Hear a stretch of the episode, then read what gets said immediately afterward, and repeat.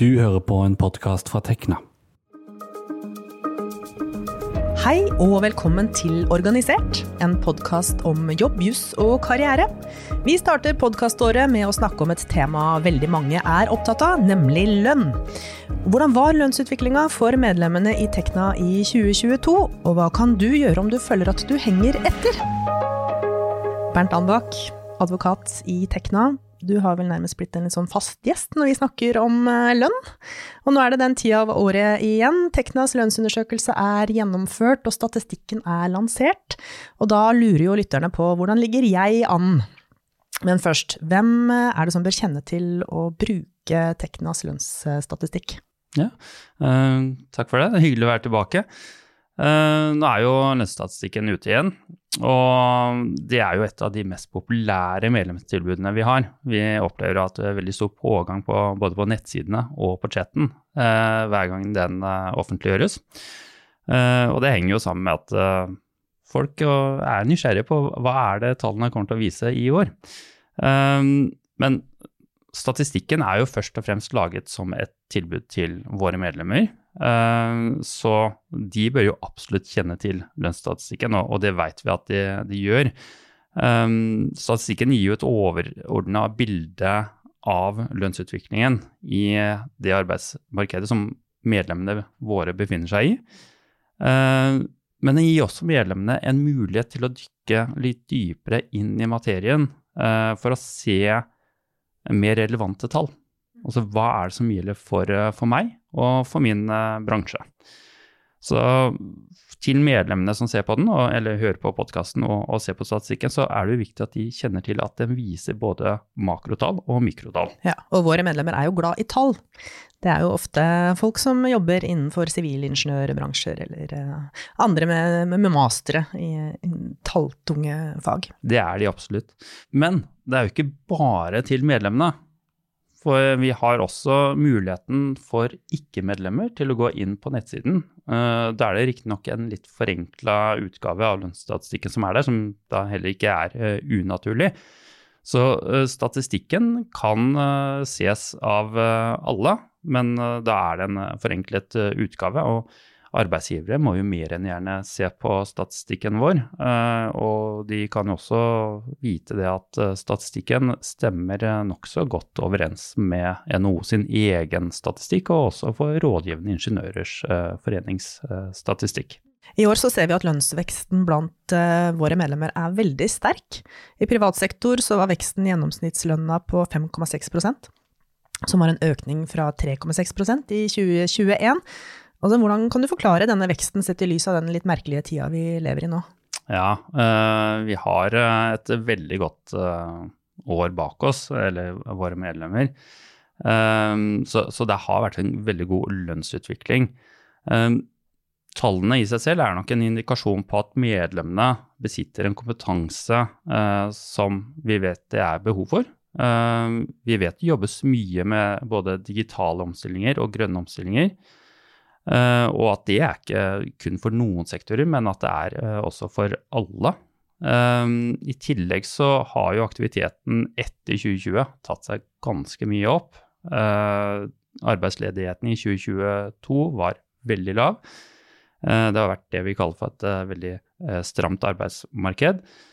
Og det kombinert, altså det at man har fått opp gammel aktivitet på normalt nivå, lav arbeidsledighet og satsing på både digitale og grønne uh, løsninger gir da en veldig høy etterspørsel etter teknologisk uh, kompetanse.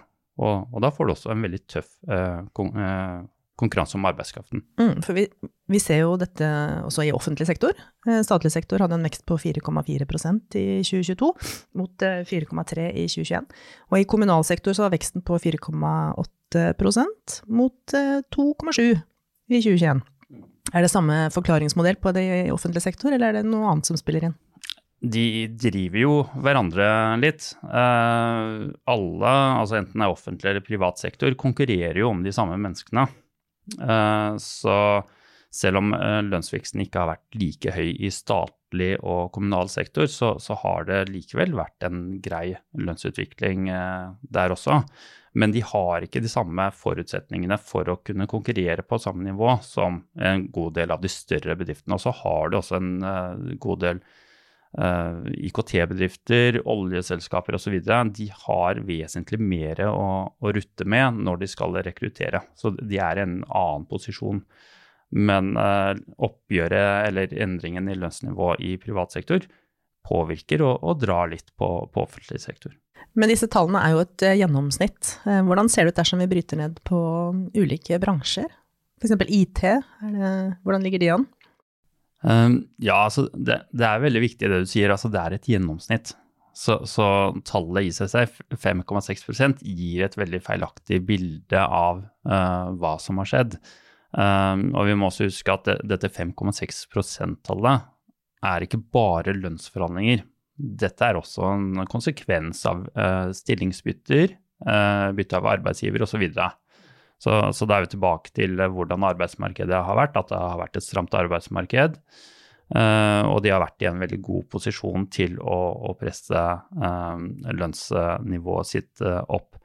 Men hvis vi skal se på uh, altså bestemte bransjer, så, så, er det noen som peker seg ut uh, veldig i, i, positiv retning. Uh, eller at de har hatt et veldig godt, god lønnsutvikling. og IKT og IT er jo en av de.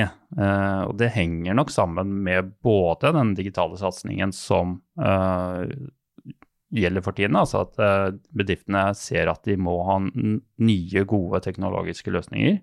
Og det, det vinner jo, eller tjener IT-sektoren på. Uh, I tillegg så er det den grønne satsingen, og, og, statistikken i seg selv viser ikke um, grønn satsing i seg selv som en egen stillingskategori.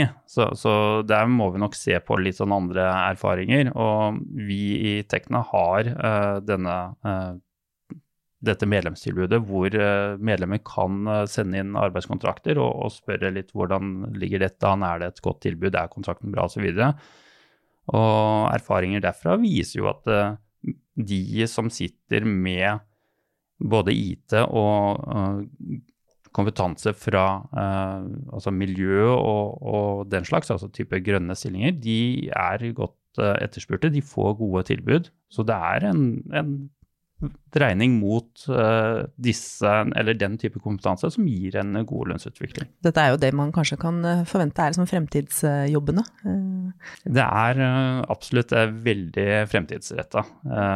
Det, det, eneste vi, vi, kanskje skulle ha sett litt mer av, hvis man skulle si at noen bør trekkes frem, så er det jo forskning og utvikling, og kanskje særlig innenfor grønn teknologi. Men er det disse bransjene som vi har vært innom nå, som gjør det sterkest, eller er det andre som uh, peker seg ut i fjor? Um, det er nok kanskje ikke så veldig overraskende at uh, olje uh, kommer veldig godt ut. men samtidig så er det viktig å ha med seg at det er også en næring som ble stengt mer eller mindre helt ned i 2020 pga. raset i, i oljeprisen. Eh, så, så, de kommer fra en uh, tid hvor uh, lønnsutviklingen har vært stillestående. Altså det har ikke vært noe. og det, det, tar de nok igjen i 2022 ved at oljeprisen har blitt mye høyere. Aktiviteten har tatt seg opp. Vi, vi reiser igjen, og, og, livet er mer eller mindre normalt. Og, og, det er vanskelig å få tak i, i de personene man vil ha. Men er det noen som henger etter, da? Nå var du litt innom forskning og utvikling. Er det andre områder?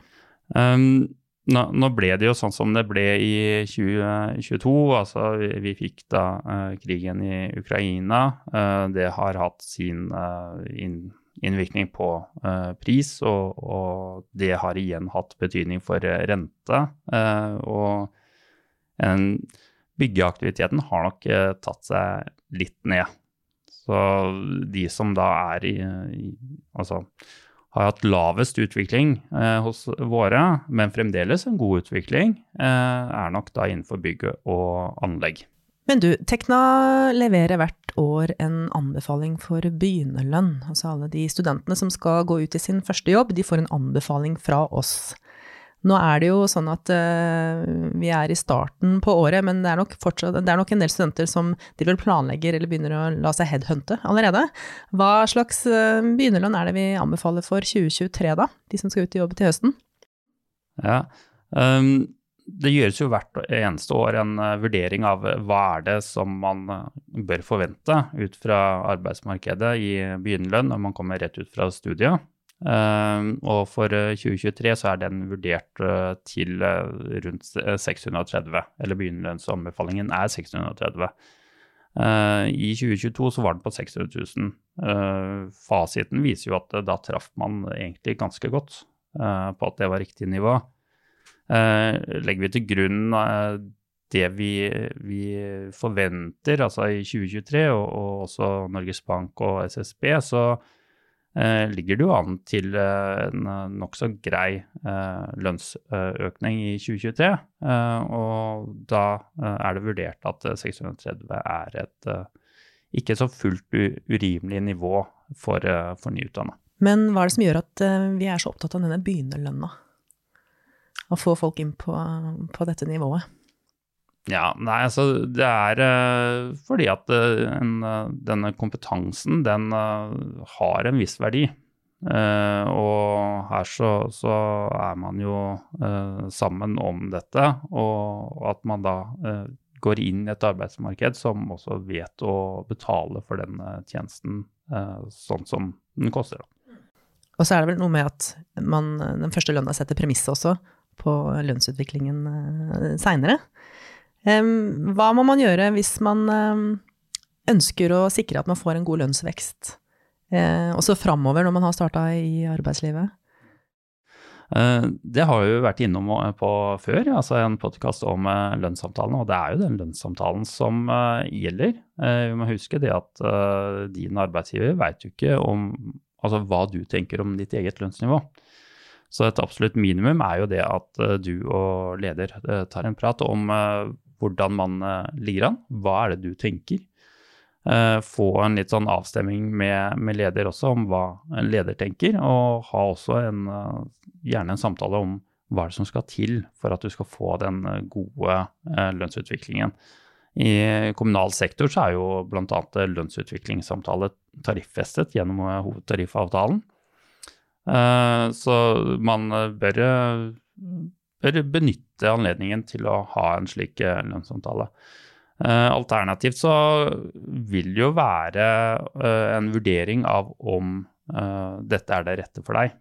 Om du har en annen type kompetanse som du vet, eller kan se fra statistikken, at denne lønnes bedre andre steder. Så, så hvis lønn er veldig viktig, så, så, er det nok det en vurdering du bør ta om man skal vurdere en ny arbeidsgiver.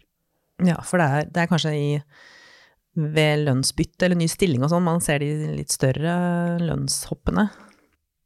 Ja, det er det. Uh, særlig nå uh, i, i, løpet av det siste året, i og med at uh, det har vært høy konkurranse om kompetansen, så, så, er det ved stillingsbytter at det aller største hoppet kommer.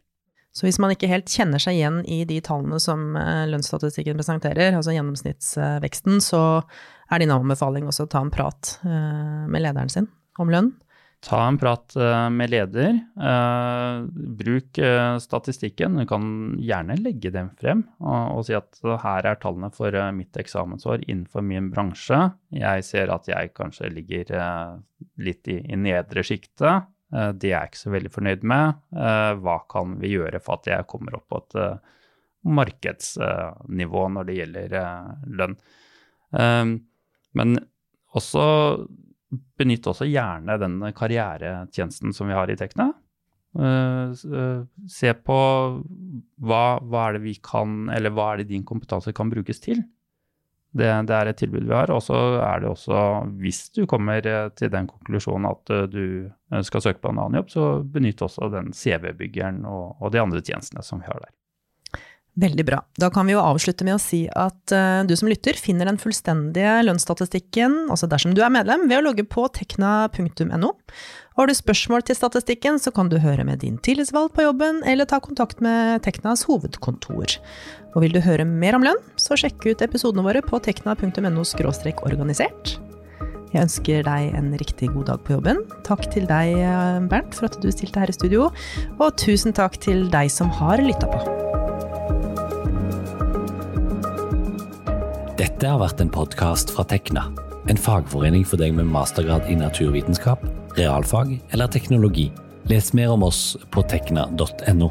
Programleder var Vibeke Westerhagen, reporter Sondre Tallagsrud, og teknisk ansvarlig var meg, Andreas Kili Grenasberg.